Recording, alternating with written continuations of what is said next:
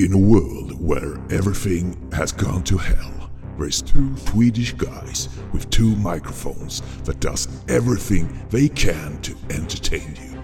They have decided not to give up on you listeners. They will continue their jobs to sort out the good from the bad in the world of movies. No one can stop them to put out their shows in the air. Now, sit back and enjoy when a brand new episode of TT Film Podcast come to you. Rated R.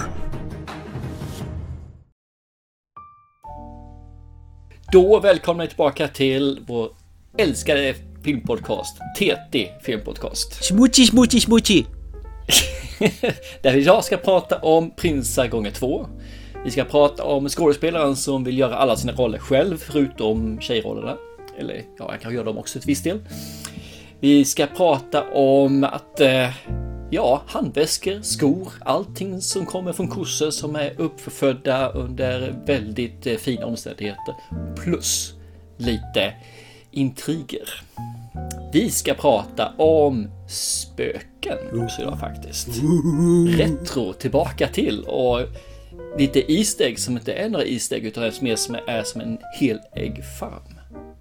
Detta och mycket, mycket, mycket till ska vi prata om i dagens avsnitt. Och kärt välkommen till min härliga poddkollega på andra sidan, gubben Hellberg. Yes! Fuck you too! Exakt! We are going to America. Yes, again. Ja, vi kommer till det, vi kommer till det. Ja, jag blev så inspirerad, jag blev så lycklig. När jag bestämde att vi skulle se den här Eddie Murphy-rullen. Woho! Och du bara... Måste vi? Det måste vi, Ja. sa du. Du vet, har någon av oss bestämt en film, då ska vi minsann se den. Jaha. Absolut, jag håller med fullständigt. Du, jag skulle bara ta upp en sak innan vi går in och pratar mm, fiktiva historier, om vi säger så. Ja, är det verkligheten? Ja, men fakta är verkligheten idag är inte det en horribel film egentligen. När jag pratar om Ryssland och Ukraina. Och egentligen hela världen kan man ju säga. Usch, ska du gå in på den eh, linjen? Ja, jag tänkte det faktiskt, för den, den är så fantastisk hur den har startat. För det är liksom det här, ja, vi säger en sak, luras lite grann och färden tror på oss, men de gör inte riktigt det. Och sen så börjar vi kriga och det här säger vi att så här, de är elaka dumma, de är nazister och de är heroinister. Medan de andra säger, vi är inte elaka, vi är jättesnälla. Och sen så slåss vi och så säger vi, nu ska vi ha fred, fast vi ska inte ha fred i alla fall. Och så har vi övriga landet och säger, fy på er, sluta slåss. Och så har vi den onde och den gode. Ja. Det här är ju totalt alltså. Det är ju film. Det är, det är en krigsfilm idag. Det är, det är ju så horribelt det här. Jag fattar inte vad de håller på med. Usch! Det är skitläskigt alltså. Det, det skapar ju oreda och rädsla i hela världen det här. Ja, det här är ju det, ja, det första kriget vi har haft, riktiga krig jag säga, men det, det, vi har haft det i Balkan också. Det var ett riktigt krig där vi givetvis. Men det, det var ju mer ett inbördeskrig. Beror på hur man ser det såklart. Men det Balkankriget var det 90-talet någonstans. Och så är det här. Men det här är liksom ett land som invaderar ett annat land. Och det är ju inte vilket land som helst. Det är ju liksom den stora arga ryska björnen som kommer. Det är helt märkligt liksom hur det kan få fortgå och att 2022 att man ska få uppleva någonting så här. Om det inte är en pandemi då blir det krig. För ett tag sedan, jag tror typ 2016, när vi hade en president som dök in här i Vita huset, Ja, Donald Trump. just det. Och han började med sin retorik och han började med hela köret. Så sa jag till folk det här att det här påminner så jättemycket om innan första världskriget. Okej, på vilket sätt då? De byggde upp eh, allianser, bytte allianser och man lovade saker och ting och man hade en retorik där som var väldigt, väldigt hård. Och man hade sitt eget land först. Våran allians först, allt det här liksom var det här. Och han hade exakt samma retorik och den lät så fruktansvärd. Och så plus det som hände runt omkring, han lyckades liksom förändra en hel världsbild om hur den politiska retoriken och hur man eh, uttryckte sig, hur man, hur man skulle bete sig. Och nu kommer då våran kära, jag tänkte säga Stalin, men Putin istället, gör slag där. När han försvinner så känns det som att det lämnar ett utrymme till det här sättet att bete sig. Och han har ju då ett annat sätt, han kan ju starta krig, Putin, vilket han ju gjorde också, helt utan att ens få lov, tänkte jag säga. Självförvållat. Jag tycker jag vill. Och det känns som att vi, mänskligheten måste alltid ha de här idioterna. Vi kan aldrig någonsin vara nöjda och säga men att vi vill ha en grå Svensson som sitter och bestämmer. Fan vad skönt det hade varit förresten. Utan det ska alltid komma idiotjävlar som hotar med att trycka på knappen. Det kändes ju ungefär som att när Donald Trump åkte ur Vita huset. Han kände sig en, som, som en sån här dåre som skulle kunna skapa oreda. Ja, han är ju en sån här nu så han pratar ju så varm om Putin. Han tycker han är smart, intelligent och en stor ledare. Jag menar, det bara det säger ju saker och ting. Ja. Kom igen. Men sen kom ju den här Joe Biden som var den här gråa Svensson som du är efter, i och en grå mumie nästan. Ja. ja, precis. Problemet är att han är ju knappt levande. Nej. Nu ser när han rör sig, han, han känns nästan att han är datanimerad när han går. Ja, men han är ju liksom, eh, vad är han, 80, 83 någonstans där va? Ja. Han var ju inte någon de ville ha, de ville ju bara bli av med en person. Så de gick ju inte någon, de gick ju från någon. Mm. Så att det är inget fel på Biden så sett, tror han är en listig räv i alla fall har varit det. Mm. Men eh, han är ju inte den som ska förnya och dra, dra, vid, dra världen vidare till något nytt och bättre utan han är ju bara en person som ska se till att vi går tillbaka de gamla gängen som fyra år med Trump har orsakat oss. Nej, men den här dåren i Ryssland som håller på och på något sätt stänger ner alla nyhetsbyråer mm. för att det är bara falska nyheter tycker han. Falsk propaganda. Precis, och, och, allt är falskt förutom det han själv säger. Han har ju ställt till det så förbannat så att jag tror hela världen håller på liksom att förbereda sig på någon slags krishanteringsplan där. Eh, bara en så enkel grej att vi kom på att shit, min eh, yngsta son, han har inget pass här längre som är giltigt för han är, han är, han är yngst av oss. Våra går ut nästa år men hans har redan gått ut. Så vi tänkte, mm. men då skaffar vi ett nytt pass till honom. Och känna, det tidigaste man kan ansöka som pass som man får boka en tid, i juli. Då kan vi ju fatta oh, liksom att folk blir ju helt vad, vi måste ha pass, vi kan dra någonstans ifall det händer någonting. Tror du verkligen det är det? Du tror inte att de skaffar pass nu efter pandemin? Både och Du vill kanske. åka på semester snart? Det är kanske två tankegångar. Ena vill ut och resa, ja. andra vill iväg och fly. ja, kanske. Ja. Fly. Sen så är jag lite är lite rädd för att de håller på att lägga rätt så mycket, rätt så mycket, de lägger ju groteska sanktioner mot Ryssland nu här. De kommer ju petas rakt in i medeltiden här.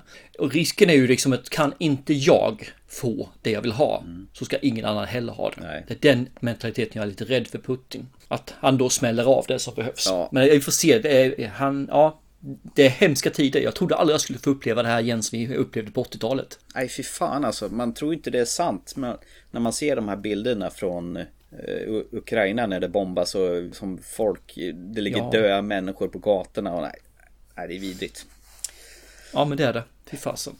Men vi landar inte där. Jag ville bara ta upp lite grann för jag funderade på det först. Ska man ta upp det eller inte ta upp det? Men jag tänkte vi gör detta för det här är ändå en podd som ska visa sin samtid. Mm. Och när vi hade pandemin så pratade vi om den. Mm. Och det här är också en del i vår samtid så tänkte vi ta upp den i alla fall. Mm. Sen behöver vi inte fastna på den utan vi kan ha lite gladare och trevligare och mer positiv attityd efter detta kanske. Mm. Vi ska ändå prata om tre fantastiska filmer. Ja, men innan dess så ska vi gå mm. lite, eh, vi lämnar verkligheten och går till lite verklighetsflykt till vårt... Det kan vi behöva just nu känner jag. Ja, verkligen. Vi som sagt ska prata om tre filmer, men innan vi gör det så skulle jag vilja belysa en film som jag såg i morse.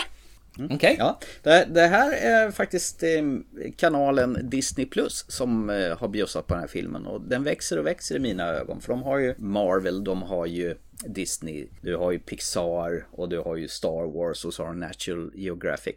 Och sen har de ju mejslat in den här andra eh, segmentet som heter Star som egentligen är massa Eh, 20th Century Fox eller numera 20th Century Studios filmer bland annat. En vuxen bit. De har ju massvis med serier också. Serier som har gått på den här kanalen Hulu har de verkar ha något samarbete med. Men jag har sett en film här som bara dök upp från ingenstans och jag visste ingenting om det. Men jag tyckte själva omslaget såg rätt kul ut. Det, man ser ett gäng som sitter vid ett bord och sitter och spelar poker. Det kändes som det var en sån här mörk och murrig känsla över det hela.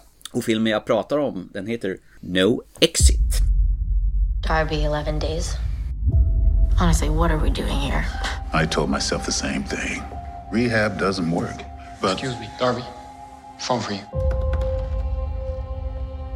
My mom is in the hospital. I have to leave. Darby, you know the rules. You leave and you're back in jail.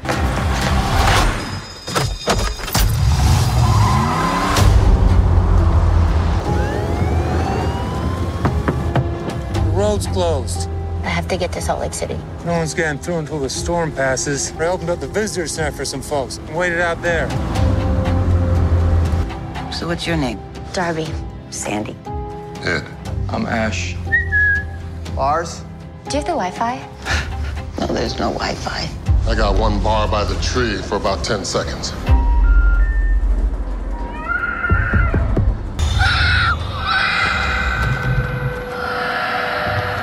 Gonna get you out of here, okay? Promise. We are here till the storm clears. Oh, it's gonna be a long night. The lights. Och det handlar då om Darby som eh, är en, en tjej med problem som eh, är på rehab efter att ha gång på gång misslyckats det med att bli drogfri. Hon eh, har, skjuter i heroin, hon eh, tar, dricker alkohol och eh, hennes familj vill egentligen inte riktigt veta av henne. Hon har en syster som tycker att hon ska hålla sig borta från familjen då. Eh, och så visar det sig att eh, Darbys mamma har fått en hjärnblödning och hon är döende. Som vill till alla pris eh, ta sig från det här rehab där som hon anser vara ett fängelse. Och besöka henne innan hon dör. Så hon snor en bil och åker iväg och helt plötsligt så är det en snöstorm. Och hon blir stoppad lite längre bort av en sån här eh, polis, eh, någon slags ranger som säger åt henne att du kan inte fortsätta. Det, antingen så åker du tillbaka eller också så stannar du i den här raststugan som finns lite längre fram. Så hon tar chansen och åker bort till den här raststugan för att vänta ut ovädret, det snöovädret som pågår. Snön rasar där. Och i raststugan så träffar hon några andra personer. Ett par, Ed och Sandy. Eh, och en kille som heter Ash och en som heter Lars. Allting kretsar kring de här få personerna medan stormen rasar utanför. Och eh, när Darby ska gå ut och få lite täckning och försöka ringa sin eh, syster för att fråga hur det går med mamman så går hon förbi en skåpbil och där hör hon och råkar se in genom fönstret. Där ligger en liten tjej med fasttejpad silvertejp för munnen och, och, och försöker till varje pris göra sig hörd för att hon har ju blivit kidnappad. Så någon av de där personerna inne i den här raststugan är kidnapparen och hon ska försöka luska ut vem det är och försöka rädda den här unga tjejen. Så att det här är ett kammarspel. Och påminner lite grann om eh, filmen som Tarantino gjorde. Du vet den här The Hateful Eight. Hateful Eight. Ja, när de också sitter fast i någon slags stuga där. Väldigt tight och spännande och just det här med att några få personer är isolerade i en snöstorm och inte kan ta sig någonstans och man börjar miss- alla börjar misstänka alla på något sätt och vis och man ska försöka lista ut vem som har gjort vad. Det är fan jävligt spännande och tight och när folk är sådär utsatta. Eh, eh, jag älskar den här setpisen. Så det här var faktiskt en oväntad och härlig och ovanligt spännande film som bara dök upp från ingenstans som jag inte hade hört talas om. Så jag kan s- starkt rekommendera filmen No Exit som finns nu mer att beskåda på Disney+. Okej. Ja. ja. Nice. Visst är man lite svag för sådana här kammarspel med få personer. Man ska försöka lista ut längs vägen och det blir lite så här look-uppning. Det- Sånt gillar jag. Ja, men kammarspel är alltid kammarspel. Det brukar vara någonting som går hem. One location eh, ställen. I like it. Ja. Relativt okända skådespelare. Det, det var Sandy känner igen. Det är en, en eh, skådespelare som heter eh, Dale Dickey. Hon brukar vara en sån här birollsskådis. Och numera får hon spela. Hon, har, hon ser lite sliten ut. Så hon får, bru, brukar spela såna här tanter som, som det har gått illa för och är lite lätt knarkiga. Men ja. Svinbra film i alla fall. Trevligt. No Exit. Ja, så- Den eh, har man då våran kära Disney så är det bara att hugga fatt i den ju. Ha den på, lägg den bak i, på listan så ser den när du får chansen till det. Ja, jag funderar ju på om jag skulle göra det lite grann. Jag vill ju gå in och se en annan film, French Exit, så att den ligger där med. Den, Jag kan säga så här att jag, Wes, Wes Anderson tycker jag ju väldigt mycket om hans tidigare alster. Jag tänker på Grand Budapest Hotel med våran Ralph Fiennes. Jag tyckte det var en underbar film. Så att eh, jag och min sambo satt ju oss ner här igår och skulle titta på den här. Jag stängde faktiskt av efter 39 minuter. Jag klarade inte av det. Det, det rent utav kröp i kroppen på mig. Men vilken mer Wes Anderson-film tycker du är bra då? Eh, Jag tycker om den här eh, Life Aquarius till exempel. Och sen gillar jag den här The Fantastic Mr. Fox tror jag den heter. Den här som är animatronics-film. Eh, precis. den gillar jag. Eh, Den här med eh, fan, den här stora familjen i joggingdräkt. Royal Tenenbaums. Den tycker jag inte om. Den tycker jag inte om. Ja, jag tycker ju om den. Det gör jag. Mm. Så att- Definitivt. Så Jag kan uppskatta Wes Andersons det här att han är väldigt så här stilistisk. Man, så fort du ser en film som han har gjort så, så känner du igen hans varumärke. Det är mycket färger, det är mycket saker som händer i bild samtidigt. Allting är nästan som en fotografisk inramning. Men den här filmen, han gick ett steg för långt vilket gjorde att jag klarade inte av den. Eller också var det just där att jag kände att det här är ingen film, det här är en konstinstallation. Jag fick ju såna här vibbar som Roy Andersson gjorde. Det här, här har du ett rum, här sitter en person och en moraklocka går i bakgrunden. I hans filmer så händer ju inte mycket utan men i Wes Andersons film händer ju massor på en och samma gång. Det händer saker här, det händer saker där, det händer saker ta mig fan överallt. Och så går dialogen i 2000 och sen är den där jävla Owen Wilson med som jag hatar. Jag, jag förstår det att det kan bli för mycket, men jag ser ju Wes Anderson och så låter jag ju allt sånt här skölja över mig. Mm. Det går liksom inte att fokusera på någonting, utan låt det skölja över det. Låt det bli som en varm dusch efter man varit ute och eh, frusit, kommit tillbaka efter en vinterpromenad och är frusen idag, eller varit ute på regn och man är genomblöt och genomkall. Så ser jag med en Wes Anderson-film. Man ställer sig i duschen, låter de varma strålarna bara skölja över dig och njut. Så du kommer ju älska det att den är 4 till 3 som vanligt tv-format och det mesta av filmen är svartvit också. Ja, men det går ju hem hos dig i vanliga fall. The Lighthouse! Ja men det var ju en bra film ju. 4-3 svartvit. Just det. Eh, Tilda Swinton är med så du kommer ju älska den här kanske. Ja, hon är ju jävla god alltså, henne tycker jag om. Usch. Ja. Jättebra, jättebra. Men du, jag har faktiskt en sak, en film jag skulle vilja ta upp som kom här i juli. Aha. Som jag tror kan bli hur förbaskat bra som helst. Jag har inte, jag har inte vetat om att den har varit på tapeten innan. Så den här dök upp lite grann från, ja vad som sidan eller kattluckan. Oh. Det heter Bullet Train, heter den. Ja, vä- vänta nu, det här är med... Oh! Brad Pitt va?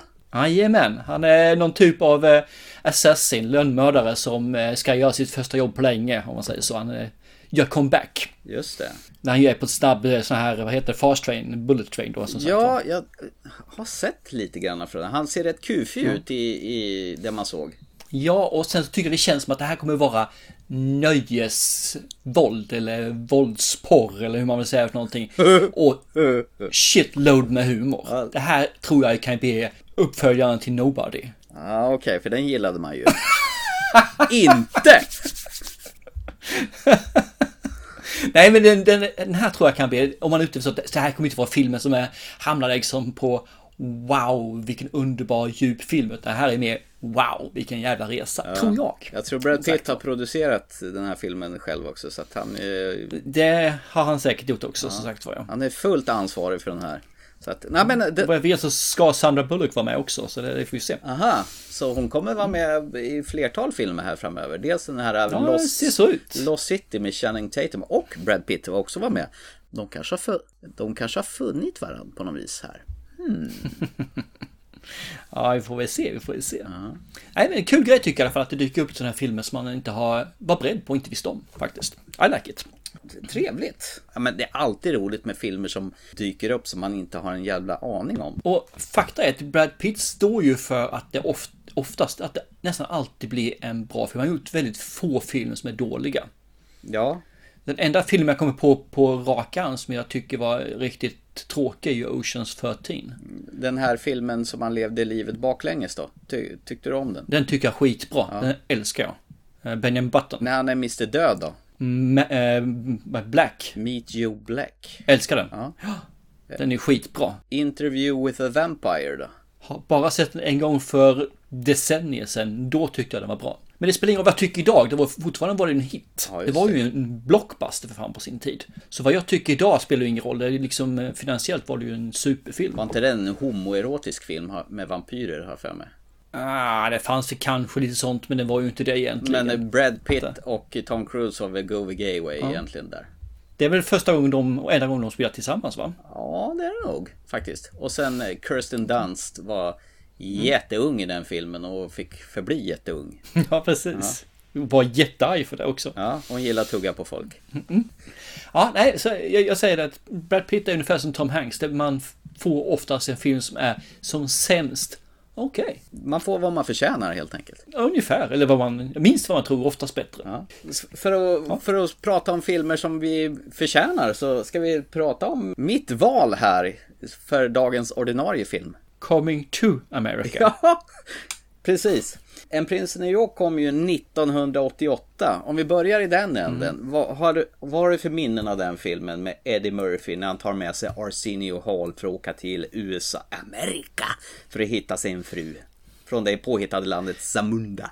Jag såg ju den här 1988 när den kom. Du gjorde det? Jag var ju inte så gammal då som sagt var. Nej. Och jag tyckte den här filmen var skithäftig. Men allt med Eddie Murphy var skithäftigt då. Det, var bara, det fanns liksom, han gjorde ju ingenting dåligt. Han var ju klockren alltså. Han var ju het då. Ja, så in i helvete när det gäller komedi så var ju han the shit. Han var ju i sin prime. Det var väl först så var det väl ombytta roller. Eller 48 timmar var det först. Och sen ombytta roller. det var det kanske. Och så gjorde han väl Snuten i Hollywood. Och så den här The Golden Child om jag vill minnas. Mm. Och sen gjorde han väl den här Coming to America. Eller eh, En prins i New York som det hette så fint på svenska. Han gjorde några fler filmer också. Han gjorde någon eh, sån här eh, heist-film också. Ja. Med bara, vad heter mörkhyade skådespelare. Ja, just det. Och det här var väl egentligen den första filmen han kom på att det var jätteroligt att göra flera karaktärer i en och samma film. Ja, och sen har han ju fortsatt med det ju. I sin här, den här Professor Nuts, eller vad heter han för någonting? The Nutty Professor. Det där ja. köret. Ja, Nutty Professor, så heter det ju. Han gör ju många roller alltså. Det var Fy fra- fasen, han Framförallt, älskar det. framförallt den här barberar eh, barbershop som han är någon Mm.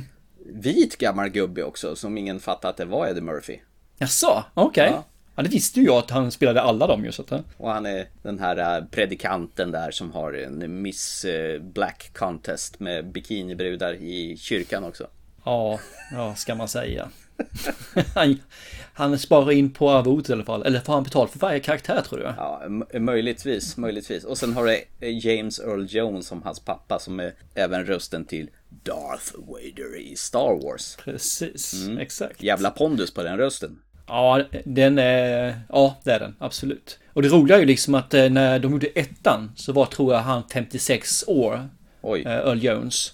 Och nu är Eddie Murphy 56 när han gör den här, så de har samma ålder. Det roliga är att James Earl Jones spelar ju King Jaffe Joffer. Och sen har du ju hans fru som är drottningen. De gjorde ju Mm. rösterna till den här Mustafa, alltså i Lejonkungen är ju han även Ja, rösten till Simbas pappa. Och hon är ju Simbas mamma. Så de har ju varit röster i flera filmer. Men du, innan vi går in och tar allt för mycket sånt där, kan du berätta vad den här filmen handlar om? För det är en rätt så komplex eh, manus och eh, handling, så jag känner att eh, du får ta det. Ja, du menar tvåan här alltså? Ja, tvåan, precis. Och den fyndiga... Eller ta, du, kan ta, du kan ta ettan också, som sagt, det spelar ingen roll för det är samma handling mer eller mindre. Eh, I princip ja. Och den här filmen har ju den jättefyndiga titeln Coming to America. De har petat in en tvåa. Mm. Fyndigt va? Ja. You must heed my words before I'm gone, my son. Now, you will be king, but the throne must pass to a male heir. Hakim, it appears you have a son. He must be found.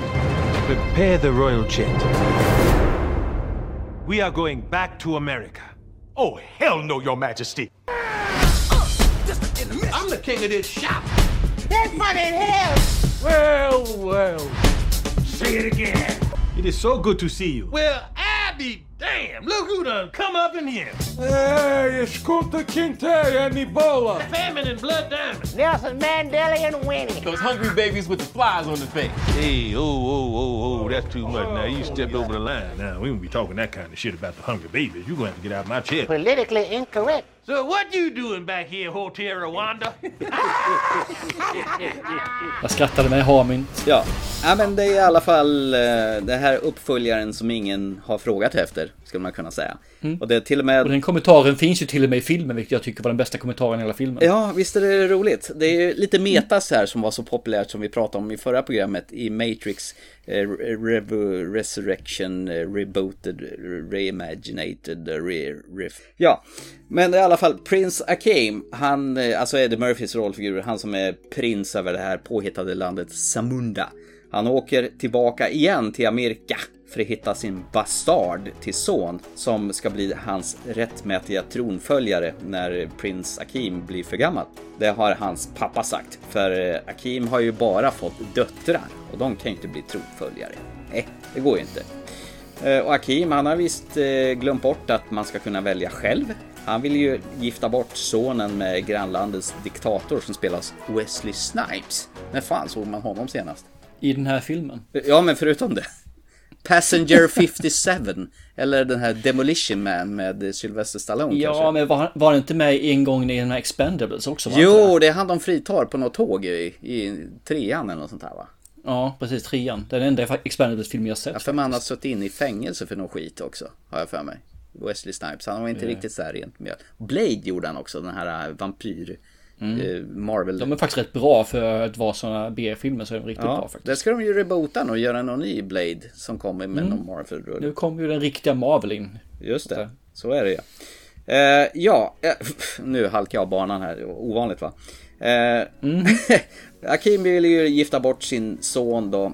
Han har ju bastardson oäkting ju. Det är det. Med eh, diktatorn då, Wesley Snipes dotter för att skapa goda affärsmöjligheter. Det är egentligen det det handlar om. Bortgifte sådär. Men sonen minsann, han blir förälskad i sin frisörska och vill gå sin egen väg. Då är ju frågan, kommer eh, Eddie Murphys eh, rollfigur Akim komma ihåg vem han en gång var och låta sonen gå sin egen väg? Jätteavancerad Precis. handling va? Mhm. Det gjorde det mer avancerat än vad det var egentligen Mm, tror jag. jag vet. We're going to America. Och sen måste vi ju nämna att det är ju riktigt fin liten nepotism i den här filmen också. För Eddie Murphy har ju sin dotter med här ju, Bella Murphy. Ja, Så, det är väl klart. omna. Ja, jag tvingar ju på dig det här. Var det så hemskt som du hade förväntat dig eller var det någon ljuspunkt i det hela? Eh, jag gick ju in med ganska små förhoppningar att det här skulle vara en film för mig om man säger så. Mm. En timme 50 minuter tänkte jag, måste den verkligen vara? Kan det inte vara 1.26 eller något liknande som jag tror första filmen var? Och så satte jag mig ner och tittade på den och fan vad förvånad jag blev. Det här var ju skitkul. Han var riktigt nyskapande komedi tycker jag liksom. Jag trodde han skulle göra samma sak igen. Men nej, här, det är helt ny, fräsch humor, nya karaktärer och alltihopa och fy fan vad jag ljuger. Ja, jag, hörde. Jag tänkte, vad fan, vad är det du har sett som inte jag har sett? Det här är ju ettan en gång till med en helt uppenbar eh, vändning på den, eller vändning, vändning som man inte säger, men tillägg att han har döttrar då, det ska vara ena och det andra liksom, och han ska då... De, de gjorde skämtet liksom att det som finns i USA är ju bara Marvel-filmer och uppföljare som ingen vill ha. This is it. Det är ingen Marvel, men en uppföljare man inte vill ha. Nej. Varför? Och det värsta är att det kommer liksom en snuten i Hollywood 4 också. Ja, Han eh, kör på tåget här med sina figurer. Det är väl som Harrison Ford som gör Indiana Jones, han gör Blade Runner och eh, Han Solo. Ja, men Eddie Murphy kör ju samma humor som gjordes 1988. Och problemet är det att humor utvecklas, förändras, flyter med sin samtid. Det som är roligt idag är inte roligt nästa år. Och det här är ju liksom decennier sedan, det är ju mer än tre decennier sedan han kom ut med filmer och kör exakt samma humor. Funkar inte. Och sen han blandar in skådespelare som är så horribelt dåliga, Wesley Snipes, så går ju inte det heller. Alltså det, det, det håller inte ihop någonstans den här filmen och jag blir bara irriterad på den. Det finns några stycken så här lite, man drar på mungipan så här lite grann. Ja men det där var ju lite kul. Men resten av filmen är ju dåligt. Av en timme och 50 minuter så är åtminstone en timme 45 bara pest och pina. Fick till upp den här i två sittningar. Bara för att stå ut. Och jag hatade dig genom hela jävla tiden. Ja, trevligt. Nej, det här är skitdåligt Thomas. Alltså det här är så dåligt så att det är... Klockorna kan stanna. Jag avskyr det. Jag, jag vill, vill inte ens linda in på skiten alltså. Usch. Eh, Murphys gubbar på barbershoppen är ju, är ju med igen här. Och de, de ser ju faktiskt likadana ut som förra gången, men det är ju för att det är makeup då. Ja, det är ju silikonansikte kan jag tänka mig. Rakt igenom. Och alla levande skådisar som nu fortfarande lever är med från originalfilmen. Även då Mm. hans tjejs farsa, han som driver McDowell istället för McDonalds. Mhm. Och det är ju nästan på snudd varumärkesövertramp på det här. Nästan. Är det- De gör ju spä av det också. Men det är ju ingenting som har förändrats sedan 1988. Jag minns ju faktiskt att En prins i New York var en fin och rolig film. Och jag vet att jag såg den då när den kom jättemassor gånger. Men jag är rädd, om jag skulle se om den idag, så tror jag nog att den skulle vara lika dålig som den här. Det vill säga uppföljaren. Ja, definitivt. Fast den här, jag tyckte inte den här var ett dugg kul. Eh, Eddie Murphy känns, eh, man, han, han ser rätt välbevarad ut för, för att vara, om man, om jämför med filmen till 1988, men han känns mycket tröttare och mer likgiltig i den här. Och jag får bara botox, får jag bara känslan av. Mm. Och han tror att det känns som det räcker att han ler så ska det bli roligt. Och det, Ja, men han orkar ju inte ens gnägga sådär som jag gjorde förut. Och nu blir det lite marrigt. När det var hö, hö, hö, förut nu blir det.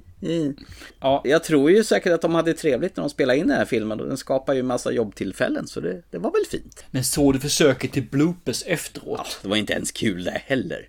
Nej, det var ju bara tragiskt. Mm. Hälften eller hälften, 80% är ju bara att de inte kunde repliken. Mm. Line, äh, nu sa jag fel. Och det var inte ens roliga felsägningar utan det var mer, jag skulle ju sagt blå, men jag sa egentligen bebisblå. Haha, vad kul! Men visst är det så här att åh, döttrar kan inte få regera och han eh, Mm. ska ha sin son där och sen ska man vakna upp på slutet och inse att åh, det är 2022, döttrar kan visst regera. Jag får be om ursäkt för att jag släpade på dig den här påseskiten. Det här var... Det ska du fan jag göra. Mm. För det här är en av de sämsta komedirullarna i år i alla fall. Mm. Då ser du fram emot eh, Snuten Hollywood 4 då. Ja, tvingar du se, med att se den också så ska du Mm. Då ska jag hitta på elakhet till dig. Då ska du få se eh, alla Marvel-filmer som kommer i år. We tear your soul apart. Nej, den här filmen, jag tror tyvärr inte att det finns någon publik. eh, Folk kommer gå på den för man har den här nostalgikänslan liksom att eh, och Prinsen i Hollywood var bra. Och så visar man upp den här. Och så finns det säkerligen några av de yngre som tycker den här humorn fortfarande kan vara lite kul. Eller riktigt, riktigt barnsliga människor. Så den här gjordes ju direkt till Prime Video så det var väl inte ens någonting som gick upp på bio utan den landade ju direkt Nej, på det stämmer. Du har helt rätt. Den landade ju direkt på Amazon och det, det kan man ju Mm. förstå. Vad kallas det? här kallar man bulkfilm va? Det är bara som att fylla ut som man har mer titlar.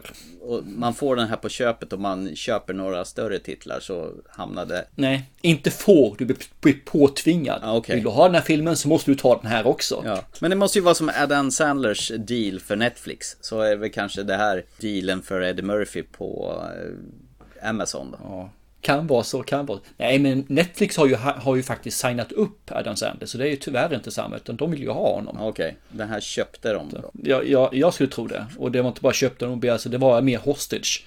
Du har den här på Prime Video, annars får ni inte tillbaka dig i hund. Fast jag har för mig att Snuten i Hollywood är producerad av Netflix faktiskt. Okej. Mm. Jag har för mig det. Så vi får väl se. Ja, för jag vet så är den bara annonserad än så länge. Så att, eh. Mm.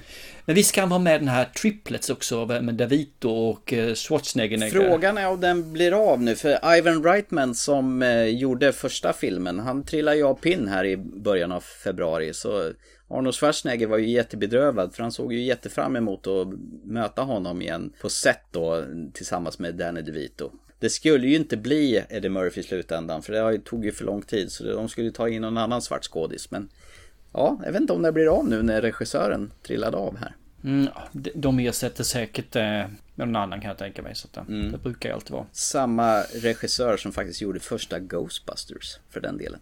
Mm, mm. ser man. Ser man. Det var en liten segway där Coolt. till dig. Ja, ja precis. Ja. Nej men ser du någon som skulle kunna ha nytta av den här filmen? Eh, nej. Eh, I så fall om man vill ha lite nostalgi då är det väl bättre att se om den förra filmen. Men risken är väl då att man inser att den här filmen skulle nog ha stannat på 80-talet och inte 2022 eller 21 när den nu kom. Det, det håller ju inte. Det är ungefär som att göra Jönssonligan 2020. Ja, det gjorde de ju också. Hur fan tänkte de där? Uh, inte så lysande.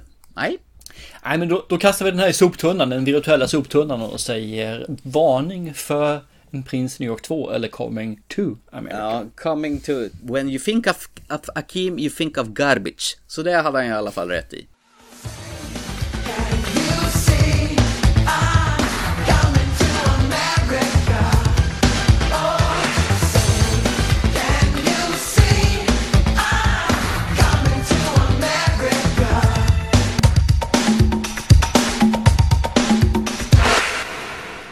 Ja, nej, skit ska skit ha. Eh, ingen ska behöva, behöva se sånt här Nej. smörja. Utan- Ser ni den här och så har ni i alla fall fått en varning nu här då, från oss. Det här är ingen film ni ska se. Och det, kommer den på tv, stäng av tvn, ryck ut sladden, knipsa av powerkabeln, vad som helst, spring därifrån.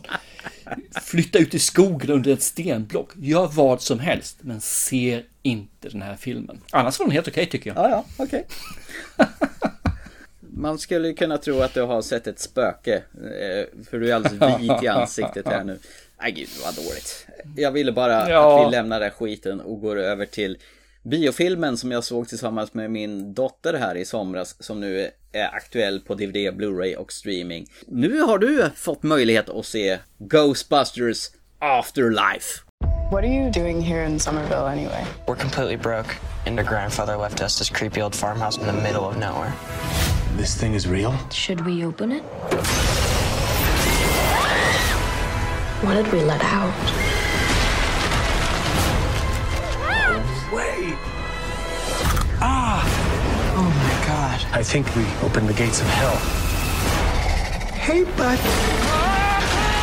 Ghostbusters Afterlife, exclusively in cinemas. Den här filmen har jag ju sett fram emot jättelänge faktiskt.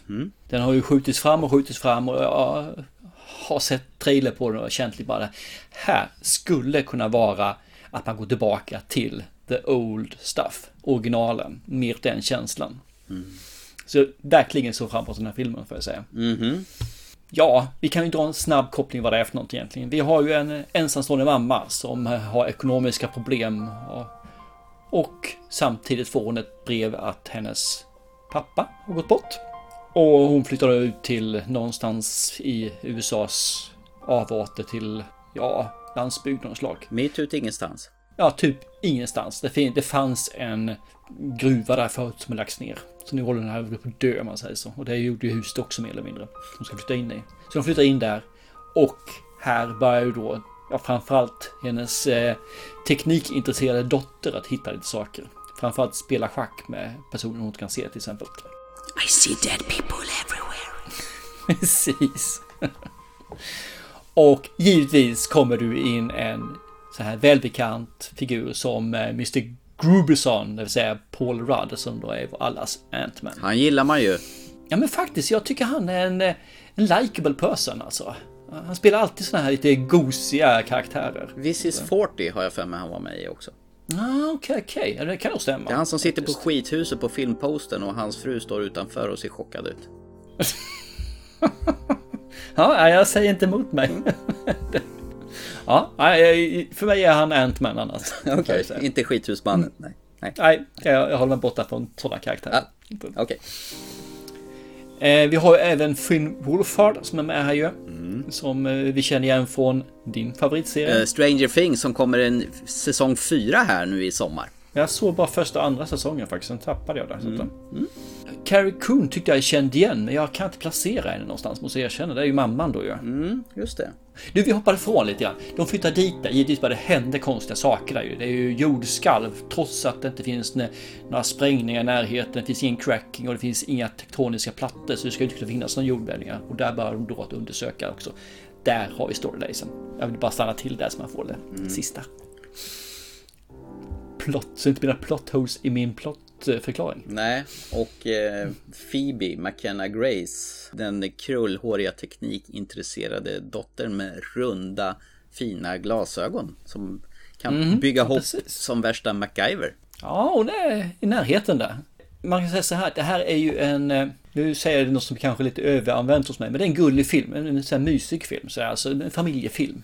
Det är en film som man sätter sig med sina barn och ser, inte själv som jag gjorde. Det är en film som man ser med varm nostalgi kanske och för de yngre egentligen kan se den här och få ett intresse och se de första filmerna. Eller som mina barn som har sett de första filmerna kanske vill se den här som nostalgi. Och man försöker att putta in så mycket blinkningar man bara kan från de föregående filmerna och karaktärerna. En så kallad legacy quell kanske? Legacy kan man säga, det här är precis. Mm. Alla karaktärer är väl med förutom en då kan man väl säga. Mm. Man följer den här och det, det, är en ganska varm känsla, en liten, liten gullig känsla. Det är aldrig några riktiga stakes i den här på det viset och det är ju egentligen i den första också.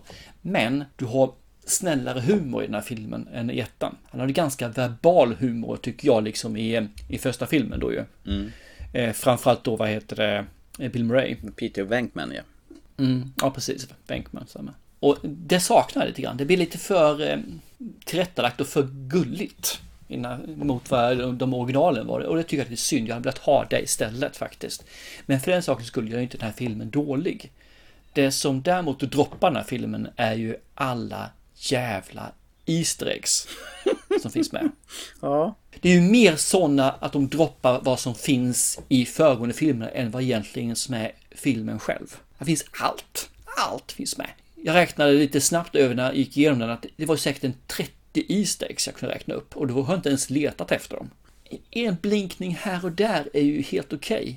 Men en film ska inte bygga på blinkningar. För då är det ju ingen film, då är det ju bara en tribute. Och det tyckte jag var lite tråkigt faktiskt. Jason eh, Reitman har gjort den här. Eh, sonen till Ivan Reitman. Så att det är ju, eh, han har ju gått i pappas fotspår så han är väl kanske stolt över vad pappa har gjort och ville hylla honom där. Så var det, jag tittade lite grann på bakom eh, filmmaterial och sådana saker och det är ju det. Folk, de vill ju verkligen hylla, de vill ju liksom ta fram det här igen och hela köret. Och hjärtat är ju på rätta stället. Det är bara att det blir ju så jäkla knas. Jag tänker med den här The Gatekeeper och Keymaster från mm. första filmen och eh, den här Soul som kommer som bodde i Sigourney Weavers kylskåp. Det är lite copy-paste. Vilket jag fortfarande anser att den första original Soul var bättre än den här. Han har gjort en del filmer tycker jag som är bra. Till exempel Up in the Air, mm. Tully. Frontrunner var ganska okej okay också för mig. Inte sån någon favorit, men helt okej. Okay. Mm. Metaller var ju riktigt bra och framförallt Up in the Air, I like it. Så att, nej, tyvärr, för mycket Easter eggs, för mycket tillbakablickar, för mycket hyllning. Eh, och då blir det lite urvattnat. Så att eh, det blev en eh, OK-ish eh, film. Mm. Jag kan säga så här, jag tyckte den första halvan av filmen var bäst där. Den tuffade på ganska långsamt innan det började hända riktigt massa grejer. Man var mm. rätt så duktig på vad jag minns och etablera karaktärerna. Man skulle få reda på varför de var där och hur de var. Och det var lite så här tragiskt där med mamman. Som var nästan bankrutt och flyttade ut till det, till det här gamla rucklet där. Och utan att fråga barnen vad de vill och sådär. De försöker hitta sin plats, sin identitet. Och, och den ena var teknikintresserad, den andra ville bara skaffa kompisar och kanske skaffa en tjej. Och det var rätt mysigt där. Och jag tyckte det tog för lång tid. Jag tycker det jag tycker om just uppbyggnaden, men den, den, den stannade upp på något vis. Jag tyckte inte alls det var så trevligt. Jag tyckte det var härligt, för det var ju gjorde lite mera mänskligt och inte bara bara nu kastar vi igång och det här är Ghostbusters på en gång utan första halvan kändes ja, som en helt annan men det hade du kunnat göra det på två tredjedelar istället för de gjorde. Det hade räckt tycker jag. Det var inte så att jag tyckte illa om det, det var bara för långt. Okej. Okay. Smaken är som baken. Ja, och det vi kan komma överens om är att Thomas har rätt i alla fall. Och så hade de med, med deras eh, sekreterare från första Ghostbusters som var med på ett hörn också. Ja, i stort sett alla har ju varit med på ett hörn där, förutom en då som sagt var ju. Mm. Och det finns ju en förklarlig anledning till det, för han finns ju inte bland oss längre. Jag vet inte, jag tror att det här finns en, det finns det finns folk som tycker, kommer tycka den här är bra. Jag är tyvärr inte en av dem som tycker den är jättebra. Jag tycker det finns segmenten som är riktigt trevliga. Och hela köret, alltså jag tycker om eh, kar karaktärerna som sådana också, säger jag. Mm. Eh, jag tror att ser man det här med sina barn så kommer den här filmen att bli jättebra. För du kommer att se hur de lyser upp. Det finns några häftiga karaktärer här som sagt var. Och det finns några häftiga segment. Jag tror att man då kan ha nytta av Easter på ett helt annat sätt också. Men jag tror tyvärr att den klarar inte av att stå på sina egna ben utan att man har just det segmentet. Tror jag i alla fall. Eh, såg du de två post scenerna som var i slutet också? Ja då. Blev lite så förvånad när filmen nästan var slut att det står ju Sigourney Weaver med i filmen. Henne såg man inte Mhm. röken av överhuvudtaget. Men eh, hon dök ju upp i en av post-credit-scenerna. Japp. Och den var rätt så kul faktiskt, det tyckte jag. Ja, för det var ju lite tillbaka det här gamla gnabbet när Peter Venkman besöker hennes hemsökta lägenhet. Det saknade man ju. Då blev man ju nästan lite sugen på att se om den första originalfilmen. Så det var de ju duktiga på att göra. det var faktiskt inte alls länge sedan jag såg om den. Så det, det är bara något år sedan jag såg om den. Aha, okej. Och så fick du ju Ghostbusters-låten på slutet, originalet med Ray Parker Jr. Pirrar inte lite i kroppen då? Och så här, ooh, ooh, ooh, you gonna call? Jag tycker om den låten, det gör jag faktiskt. Den är riktigt nice. Det var ju på den tiden när man köpte LP-skivor på soundtracks för att låten i filmen var så jävla bra. Men det var ju egentligen bara den låten som eh, man ville åt. Jag gjorde aldrig det där, måste jag erkänna. Enda gången jag köpte en skiva för soundtrack är faktiskt Pulp Fiction. Fast det var på CD-skiva-tiden va? Måste det ha varit. Ja, precis. Det är klart det fanns. Det var ju CD-skiva. Mm. Så med att du körde LP-skivor? Alltså. Jajamän. Innan eh, CD-skivan slog igenom hårt så sprang jag runt och köpte LP-skivor. Jösses, jag var en sån här så gjorde ju... Jag var ju snäll mot mina kompisar och gjorde backuper åt dem istället på band. Jaha, på kassettband. Sån här Mm, bass. så jag gjorde backuper till dem. Ifall deras skiva skulle gå sönder så hade de en backup hemma hos mig.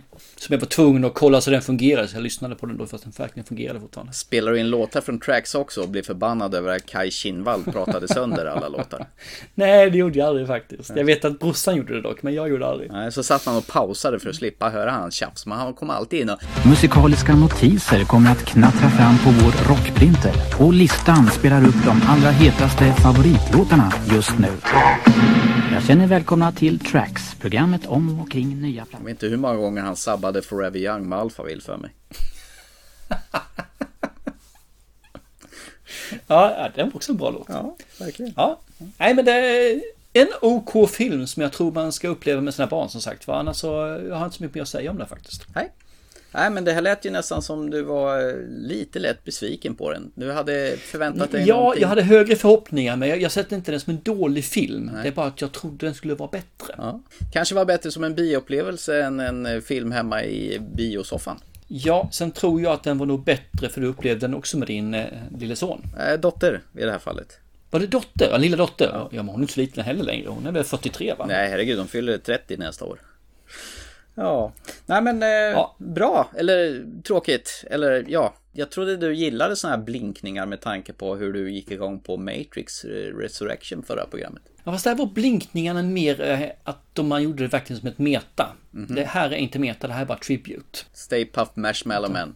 Mm. Och jag ska vilja erkänna att Matrix för mig har, har faktiskt höjt ytterligare en Pinhole eller två nu sen sist vi pratade om den. Den har faktiskt blivit bättre. Uh, what? Mm. Ja, jag håller den ännu bättre nu än när vi pratade om den. Håller jag på att bli döv eller någonting? Ja, nej, men det jag är nog mottagarad kärring för det är många som inte tycker om den. Så att, eh, men jag, jag tycker faktiskt att den, eh, den växer. Nej, jag tappade kontakten nu. Jag, jag, hör, jag, hör inte vad du, jag hör inte vad du säger. Hallå? Gotta go. Lunch. Hörbarhet nolla. Oj, oj, oj, oj, oj. Ja, ja, men eh, det är ett fritt land. Man får tycka precis som man vill. Det här är inte Ryssland.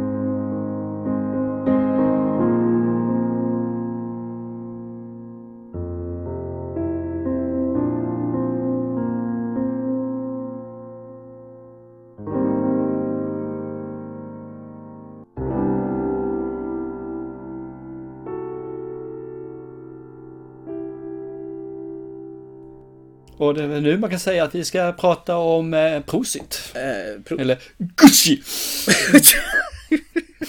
Och det här var en film eh, som har precis också kommit på Blu-ray, DVD och streaming. Med Lady Gaga, Jared Leto som jag inte fattade att han var med. Du har Jeremy Irons, du har Al Pacino och du har Adam Driver i filmen om det stora italienska märket Gucci. Du glömde ju Salma Hayek.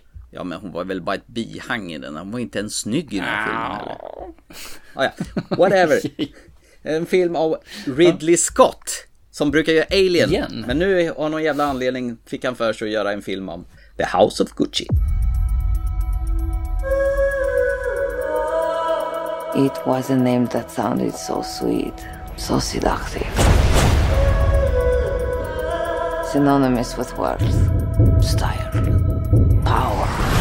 But that name was a curse too. I've been a Gucci all my life. Your name is in the history books. Paolo, you are Gucci, you need to dress the part. It's chic. Gucci needs new blood. It's time to take out the trash. They're my family. So am I. Picked a real firecracker. She's a handful. Bravo. I don't consider myself to be a particularly ethical person, but I am fair.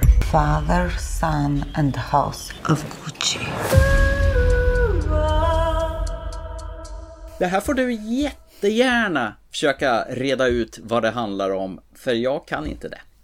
Ja, det är väl inte så jävla svårt egentligen. Det här är ju en... Jag vet inte hur mycket baserat på verkligheten det är, men det är ändå en boat sådär. Så i alla fall based on kan man säga. Om en eh, Gucci-familjens uppgång och fall. Ja, och Patricia Reggiani är li- liten lycksökerska. Ja, eller? Ja, ja, mm, det kan vi låta tittarna få. Jag, jag kan nog vara lite sådär, är hon det eller inte? Ja, ja. Eh, vi får i alla fall följa med här. Adam Driver som då är Ma- Maurizio Gucci. Och ah, hela den här familjen som finns där. Aldo, vi har Rodolfo, vi har Paolo. Alla Gucci-familjer där i Italien. De driver då det här modehuset som är väl egentligen på dekis kan man säga. De är väl inte ett skämt men nära på. De är väl mer modehus som egentligen kan likställas med museum i modevärlden. Va? De är långt bakåt i tiden.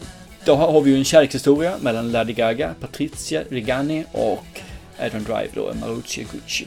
Och man får följa deras, egentligen kan man säga, deras liv tillsammans i familjeföretaget Gucci och vad den tar vägen någonstans. Mm. Och mer än så tycker jag inte behöver säga, för resten är egentligen eh, historia tänkte jag säga. Lady Gaga är svarthårig och Adam Driver är svarthårig och Al Pacino är svart. eh, Kanske alla italienare är de svarthåriga. ja, de är mörkhåriga allihop där. Det är de. Vadå då? Var vill du komma någonstans? Nej, ingenting. Salma Hayek är svarthårig. Nu återigen har du dyvlat på med en film som är två timmar och 38 minuter. Va, vad är det med dig och filmer som ska vara långa? Jag fattar inte. That's my thing. Min hem tillbaka till dig. För den här filmen har ju jag givit dig såklart. ju. Ja, var det hämnd för den här äh, riddarfilmen som också var en, nära 2.38 som vi såg nyligen? Nära döden upplevelse tänkte jag säga. Men det... The Last Duel, det var ju också Ridley Scott som gjorde. Ja, stämmer. Och eh, våran kära Adam Driver är ju med där också. Är det hans nya lilla guldpojke? Jag tänker, det finns ju vissa som har Leonardo DiCaprio som sin household name. Då kanske är eh, Ridley Scotts Adam Driver den nya. Det kan vara så, vem vet? Men man får ju säga att han har ju varit väldigt aktiv Ridley Scott här under året som har gått ju, eller ja, nu. För tittar man 21 så har han gjort, ja vad fan man säger, han har gjort massa filmer ju. Hur hinner han med? Och en tv-serie också, den här... eh, Ja, Wolf. precis. Han är 80 år gubben. Ja, och den här, jag var Raised by Wolves som har gjorts nu i två stycken säsonger. Han ska väl göra, jag vet inte om han ska göra eh, den här nu var på eh, regissör på säsong två, men han gjorde den där. Last Dude, eh, House of Gucci, Rose of Freedom. Han är ju hur jävla aktiv som helst. Ja. Och sen sitter han då med fyra stycken filmer till i pipen. Gladiator 2, Queen and Country, Un- eh, Alien Prequel, Film-ish någonting och Napoleon. Ja, han lär väl köra film till han eh, dör. Tydligen. Så, så han är ju visserligen inte så gammal, han är ju född, var han 37 är han född tror jag. Så, Ja, men det är klart, Clint Eastwood, han är ju 91 och gör fortfarande filmer så ja, eller han gör någonting i alla fall som rör sig på film. han rör ju på sig. Titta, Ja, han rör ju knappt. på sig. Han rör ju på sig. Jag kan säga så här, i normala fall så har jag inga problem när man eh, pratar med, man säger, med mm, dialekt, språkdialekt. Som ryssar, man pratar engelska men man lägger in lite ryskt också. Det va? Men här gör man det på ett sånt sätt, man gör nästan spä av italienare. Ja. Hur, hur de pratar, det blir parodi på italienare och jag blir nästan så här, eh, varför då? Det här är en drama, varför ska du göra någon rolighet av dem? Så jag retar mig lite grann på det, så pratar de ändå engelska. Prata vanlig engelska om du inte kan prata eh, italienska med dialekt då, om man säger så. Ja, det är spaghetti, ripasso, Frikadell! Ja, fy fan! Jag bara säger det, vadå då? Jag, menar, jag får ju bara den här förbaskade Lady och Lufsen på julafton-stuket. ja, han pratar med mig, han pratar med dig, du var chef. Oh, Gucci, Gucci, Gucci, Gucci. Uh, I tell you, Gucci is what I want it to be. Och nu ska jag säga då, då har vi ju två av mina icke-favoriter till skådespelare också. Ja, nu kommer jag ju få hur mycket skit som helst där, men jag tycker ju inte Al Pacino är bra idag. Han är för gammal, han klarar inte av det här. Han har varit bra. Hua! Hua! Absolut, han har varit jättebra. Men han klarar inte av att skådespela längre. Han, han orkar inte känner jag alltså. Nej. Och så har vi Jared Leto som alltid spelar karaktärer som är over top. Han är ju för fasen tvillingbror till allas Nicolas Cage. Alltid överspelar. Och vet du vad? Jag såg inte att det var Jared Leto bakom den där Paolo Gucci-masken. Aha, jag tänkte, jag vad, är visste ju att det var han. vad är det för jävla dåre som spelar över förband? Varenda replik när han ska vara rädd, när han ska vara glad, när han ska känna sig utpressad. Det gör sig som en jävla parodimupp. Och, det, och sen så blir det den här förbaskade, det italienskan då som är parodi på italienska saker. Nej, jag vill inte. Och Jeremy Irons är inte heller bra i den här filmen. Ah, nej, det håller jag faktiskt med. Han är inte alls bra. Däremot tycker jag Adam Driver och Lady Gaga gör ganska bra ifrån sig här. De, de, de är lite överspel ibland där också känner jag, men de gör ändå ganska bra ifrån sig. Och det är intressant när det är en sångare som faktiskt gör en av de bättre rollprestationerna. Ja men hon är bra överlag som skådespelerska. Hon var ju bra Oh, i ja. Star is Born. Hon är ju med i den här äh, skräckserien American Horror Story som jag brukar titta på. Där är hon ju också klockren. Så att hon har ju riktiga skådespelartalanger, det har hon. Ja, men hon är jättebra, framförallt i is Born. Att hon inte fick en Oscar där tycker jag nästan är synd, för Mm. det förtjänar de faktiskt. Här blev hon inte ens Oscars-nominerad och det kan väl ha att göra med att det är precis där du sa, den här pajiga låtsas-italienska som de här skådespelarna försöker bräka på. Det blir att man hamnar lite grann ur illusionen. Ja. Vilket jag tycker är lite synd, för jag tycker om storyn. Mm. Den tycker jag jättemycket om faktiskt. Jag tycker om det som händer och utvecklingen. Jag tycker om hennes, liksom att hon, den här karaktären till äh, Patricia Regina, Mm. Regani, Regani, Regani? Eh, Jag tycker om hennes, hon är ju en streber, hon vill ju ha mer. Hon vill ju se, se att hon får det som hon förtjänar. Och så har vi Adam Driver som egentligen inte har några ambitioner överhuvudtaget, i alla fall till att börja med. Och är ganska bortkommen kan man väl säga som person. Ja, men det är raka motpoler till varandra. Ja, de tycker jag är bra. Jag tycker om själva intrigerna också liksom. Ja. Men ja, det blir lite grann pannkaka eh, som bara ramlar på golvet om vi säger så. Så man vill inte riktigt placka upp den. Nej, det som jag tycker såna här filmer som ska hantera en viss tids, alltså en epokfilm. Jag vet inte hur mycket av, av den här filmen som är sanning, för jag har inte läst på mig någonting om familjen Gucci. Nej, det har inte jag gjort. Det, det känns ju ungefär som att nu tar vi en scen som sträcker sig lite här, sen hoppar vi lite i tiden och så hoppar vi ännu lite mer i tiden. Jag har så svårt för det här med tidshopp när det ska vara några år senare, några år senare och i nästa scen så, så någon som levde i ena scenen, den har dött i nästa scen och då är det begravning och sen hoppar vi vidare. Nu, nu finns det en bebis med. Alltså jag hade hellre velat, ah, fast det är ju svårt om man ska ha, det är ju typ klassisk uppgång och fall film det här som så många andra. Men för jag har inga problem med hoppen där, så- för det tycker jag passar bra, för du måste snabbspola ibland, för det börjar någonstans på 70-talet och slutar någonstans- på 90-talet, så du måste ju liksom avverka i alla fall två decennier där. Mm, jo, jag vet. Men jag, jag är på något sätt allergisk mot sån berättartyp. Okej. Ja.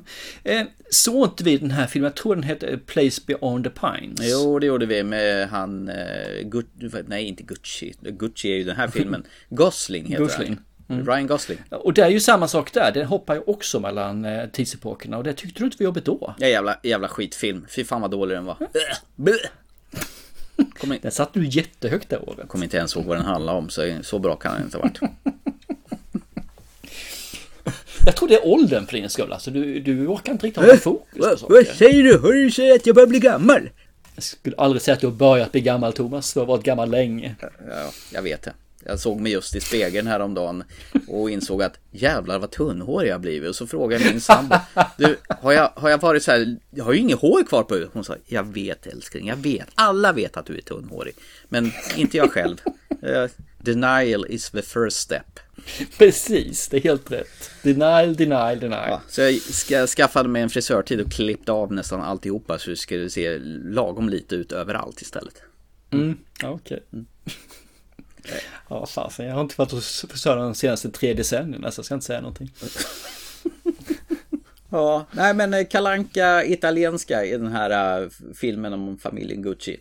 Och det är synd, för jag hade förväntat mig mer av den här. När jag tittade på trailer och sen så läste om den så hade jag förväntat mig så mycket mer. Att det här skulle vara liksom en storslagen film. Mm. Att den lätt skulle slå sig upp liksom på den här berömda tre i toppen som vi har nu lite efteråt. Men nej, det gör den inte. Så den här blir... Nej, den är inte bra faktiskt. Nej. Den är... Den är skit. Jag håller med. Jag flinade lite elakt när jag lämnade över den här till dig efter jag hade sett den. Så tänkte jag, ja ja, här har du två timmar och 38 minuter låtsas italienska med intriger och knivhuggning och allt vad det nu innebär, backstabbing shit. Fast eh, musiken var ju tidstypisk och härlig. Fick ju lite Eurythmics, eh, Sweet Och Dreams. lite Blomman dig, fick vi också det. Ja, det också. Eh, väldigt bra musik. Och, Det är faktiskt så jag tänkte på när jag såg den. Det här tyckte Thomas om, den här musiken tycker Thomas om. Tyckte du om att se Adam Driver cykla då? På cykel? Ja, problemet är bara det att jag har ett bekymmer med det. Han cyklar, då håller han på och svänger och zigzaggar över gatan. Ja. Mm. I veckan nu som gick så höll jag på att köra på en sån jävla idiot på sån här eh, elsparkcykel. Så gjorde exakt samma sak. Var det Adam Driver som kom på en elskoter? Ja, jag tror inte han var väldigt ung, Adam Driver sa. Nej, men alltså, jag var hem från jobbet och är det en som åker på den där. Så när jag börjar komma nära honom så börjar han att zigzacka. Så att när jag kommer där så börjar jag köra ut så långt jag kan, men han följer med mig. Så jag kör vänster och han kör vänster och jag ligger så jag håller på att köra vägen och han ligger så han ligger framför kofångaren. Och sen så av en tillfälle så svänger han höger och det är liksom en halv meter från att jag lyckas undvika honom. Jag fick alltså ställa mig på bromsen. Och han, "Åh, vad gör du här? Och han cyklar likadant. Jag känner bara, nej, så där gör man inte i trafiken. Cykla ordentligt, ha hjälm på dig, Adam Driver. Och det fick han ju, ja, jag tycker då ska man straffas, det är inte med med den. Jag tänkte så här, det är väldigt sällan folk cyklar på film när jag såg honom där. Jo men det är det, det stämmer. Det är väldigt sällan. Ja. Varför gör man inte det? Jag vet inte. Jättemärkligt. Jättekonstigt. Det måste ju vara att det är svårt att få en bra bild. För på en bil kan man fästa kameror på. Det är jävligt svårt att fästa kameror på en cykel. Mm. Eh, Men det var eh, udda tilltag. Det tänkte jag inte på faktiskt förrän du säger det nu. Att det är ju ingen som cyklar på film för fasen. Tänk en actionfilm med bara cyklar, sådana cykeljakter istället för biljakter. Ja, men var inte det? Det fanns inte en sån här serie där det var poliser som cyklade. Jo, det var det ju. Jätte, jättelänge sedan. Just det, med såna här riktiga fina hjälmar på huvudet. Ja, och såna här eh, mountainbike-aktiga cyklar. Jo, det på. stämmer. Det var någon serie. Polisserie på Du cykel. ser, de cyklar på film eller serie. Ja. Nej, det är tufft. Skittufft är det. Nej, tyvärr. Alltså, jag får säga det, vi har, för min del så har vi inte lyckats någonting den här gången. Ja, Ghostbusters, den var OK. Men de andra två filmerna är ju helt jävla kast. Det lät ju som den var med i dina ögon. Med. Nej, lite, mer, lite bättre än med var den. Den var med. Eller med blev det förresten. Mm. Ja. det lite. Nej, men den var okej film, bara att jag trodde den skulle vara bättre. Det var- Det var så det var. Jag såg i alla fall No Exit i morse som eh, fick bära upp lite grann med lite positiv Ja. aura. Ja, jag känner mig som en riktig negogubbe här. Så att, eh. Ja, det, det är inte mycket film som du har gillat i år vad jag kommer ihåg. Förutom den där äckliga Matrix-filmen som du så gärna vill Nej, gilla. kom igen! Jag har gillat mycket film jämfört med dig. Procentuellt Åh, ligger jag liksom en Vad mil för vad är det du har tyckt om av det vi har tittat på nu hittills i år? Ah? Jag höra nu då? Nämn en. Cop Shop. Ja, du måste ju ta någon lite längre bort som du inte kommer ihåg att du inte tyckte var, som du tyckte var bra. Så. Okej, ska jag ta några som vi har sett för länge sedan? Ja. Eh, Kingsman. Ja, du! Den såg jag förresten häromdagen. Gjorde jag. Den finns ju på Disney Plus nu. Jävlar vad bra den var faktiskt. Ja, den är ju riktigt nice. Vänta, jag ska räkna upp fler så ska jag bara som vi ska med. Don't Breathe 2 tyckte jag var bra. Va? Eh, Eternal tyckte jag var. Nightmare Alley tyckte jag var bra. Ja, eh, ja nej den var inte bra. Jo, det var den. Jag tyckte den var bra. Eh, Döden på Nilen. Ja, den var ju svinbra. Den gillar jag Mm. jättemycket. Du ser, det är ju massor av filmer som var bra här. Ja, men du, stopp och belägg här nu. Du nämnde ju The Kingsman. Jävlar vad den var annorlunda mot, mot de här senare, vad heter det, Kingsman-filmerna. De tidigare menar du? Ja, jo, men det här är ju en prequel-film, så de är ju senare. det blir jävligt rörigt där. Men fan vad jag gillar den filmen. Jag hade lite sv- svårt i början där, men alltså den var ju väldigt brutal och väldigt... Det, det var ju en plot twist i mitten som jag bara höll på att hoppa över stolen. Och jävligt snygga scener när det var första världskriget där. Och jag, måste, jag satt- och tänkte på en viss scen där han Ralph Fiennes var inblandad på en hög klippa. Då tänkte jag det här måste du tyckt var läskigt när du speciellt såg det på bio för du är väl lite höjdrädd va? Jag är jävligt höjdrädd. Så den scenen måste ha varit lite obehaglig för dig kan jag tänka. Ja, men den, det killar, killar, till lite i magen där Ja. ser du faktiskt. Det den. Vad tyckte du om slagsmålscenen då? Det var ju skitbra, det var ju ballett. Den trodde jag du skulle tycka om faktiskt. Ja. Jag gillar han Rasputin, han var en jävla äcklig, slemmig gubbe. Såg du vem det var som var Rasputin då? Ja, det var ju han från Notting Hill va? Han, den här som, som var med Julia Roberts, som hon bodde Mm. hos. Spike heter han där. Ja, exakt. Här var han jätteäcklig och han slickade på Ralph Fiennes ben. Men inte på fötterna i alla fall. Nej, nej för fan. Så länge det inte är fötter så går det väl an. Men så fort det börjar viftas fötter på film, då, nej, då kräks jag. Ugh. Mm, jag vet, jag vet. Ja, men det, det, det känns som vi känns oss ganska klara tror jag med våran filmsvit i kvällens program. Eh, vad jag uppfattar det som i alla fall. Nästan klara är vi. Nästan, jaha, vad har vi missat då? Mm. Vi har missat, eller missat missat. Vi ska göra en sak här som vi faktiskt har... Ja, egentligen så är det du som har dissat det här. Om och om igen. Jag har sagt, ska vi inte? Och du bara, nej. Men den här gången, nej. Thomas, nej. Precis, nej. I am a podcaster who says nej, nej. Men den här gången skiter jag i att du säger nej. Den här gången ska du ha en utmaning. Ja, men inte om du inte säger hej knäckt före. Och det hann du inte. Hej knäckt. Okej då, du hann väl. Give me a shrubbery! You want a herring? Eh, Nu kom du av dig eller? ja, faktiskt. Alltid när du drar upp de här förböskade fina filmerna så kommer jag med för jag älskar dem. Du ska få en film och du ska bara få namnet på den. Du ska inte få reda på vad det handlar om, du ska inte reda på vilka som är med eller någonting överhuvudtaget. Jag har sett den här filmen för ett tag sedan och nu tyckte jag att du skulle få se den också. Fan vilket jävla rått flin du bara bjussar på här nu. Jaha, vad är det nu då? Du har gett mig några filmer så du sa att den här var skit men jag ville se om du tyckte det var skit också. Aha. Så nu tänkte jag att då skulle du få den här filmen av mig. Åh, herregud. Det här är en film som jag dök på av en tillfällighet. Så den heter People, Places, Things. People, Places, Things. Ska finnas på Netflix. Ah, det har ju jag. Så, så då, då är han ju lättillgänglig för mig då. Jag hoppas det finns kvar på Netflix ska jag erkänna. Att- People, places, things. People, places, Mm. things. People. Säg det fort tio gånger baklänges. Inspid... Ja, det var en gång. Nio gånger till. Ja, okej. Ta en repeat på den. Okej, men då ser jag People, Places, Things då. Jag får inte reda på vad det är för typ av film eller någonting utan jag bara ska Nej. kasta mig ut i den filmiska avgrunden utan att veta ett smack. Men det är ju egentligen så jag vill ha det egentligen. Jo, men det, det är ju det jag menar. Ja. Så att eh, du ska du fasen ta mig få det här också. Och du ska få lova att inte läsa på innan. Vad det är för något. Du ska inte ens läsa texten på Netflix. Och du ska inte se någon trailer eller för det här som du ska se den på Netflix, sök rätt på den och bara tryck på play med en gång så du får någonting. Du ska vara helt nollad när du ser den. Okej, fast de där mupparna som skriver vad de handlar om på Netflix, de undrar mig om de ens har sett filmerna. Ja, det stämmer faktiskt. Det har du helt rätt i. Du ska faktiskt få en sak så du reda på om filmen. Den är 1.25. Åh! det är perfekt speltid. Ungefär som den här Yes. urusla Motorsågsmassakern som jag såg här för, Mm. i förra programmet. Den var 1.23 så det här är ju nästan ungefär samma tid. Det ska bli kul att se vad du säger om den och eh, hur du uppfattade den. Mm. Det ska bli ruggigt intressant. Du, från ena till den andra. Ytterligare Mm. en anledning på att du borde skaffa eh, Disney+. Den här fantastiska filmen med ögat på omslaget som heter I Origin eller vad den nu hette. Ah, just det, den finns där nu ja. Den stämmer. finns där nu. Det finns jättemycket Mm. godis på Disney+. Ska du inte skaffa den nu? Det är bara att gå in och trycka signa in på det där. Ja, 89 spänn i månaden. Kom igen nu, kom igen nu. Nej. Om eh, bara några veckor ska jag ta och signa upp på Paramount Plus istället. Ja just det, du var skitsugen på att se nya säsongen av Dexter. Det var det du ville göra. Mm. Om det, om det stavas H-A-L-O så eh, Hallå, absolut. hallå, hallå. Hallå, hallå, Emily med. Nej, Halo kommer ju givetvis på Paramount Plus. Ja. Så den ska jag se. Och jag hade... Det här med att den hoppade över en månad som jag nämnde, det gör den inte längre. Eller så, eller så har jag sett fel. Det, Mhm. det går alltså från mars, april och framåt. Så, så nu blir det...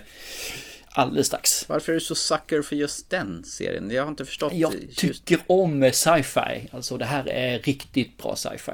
Eller, det vet jag ju inte förresten, men jag vet att de andra filmerna har varit riktigt bra sci-fi. Okej, okay. sci-fi porr för dig alltså? Ja, men lite grann så faktiskt. Lite mjukporr. Mm. Okej. Okay. Men ska vi runda av då? Vi, I kvällens program har vi pratat om No Exit, en förträfflig eh, thrillerfilm på Disney+.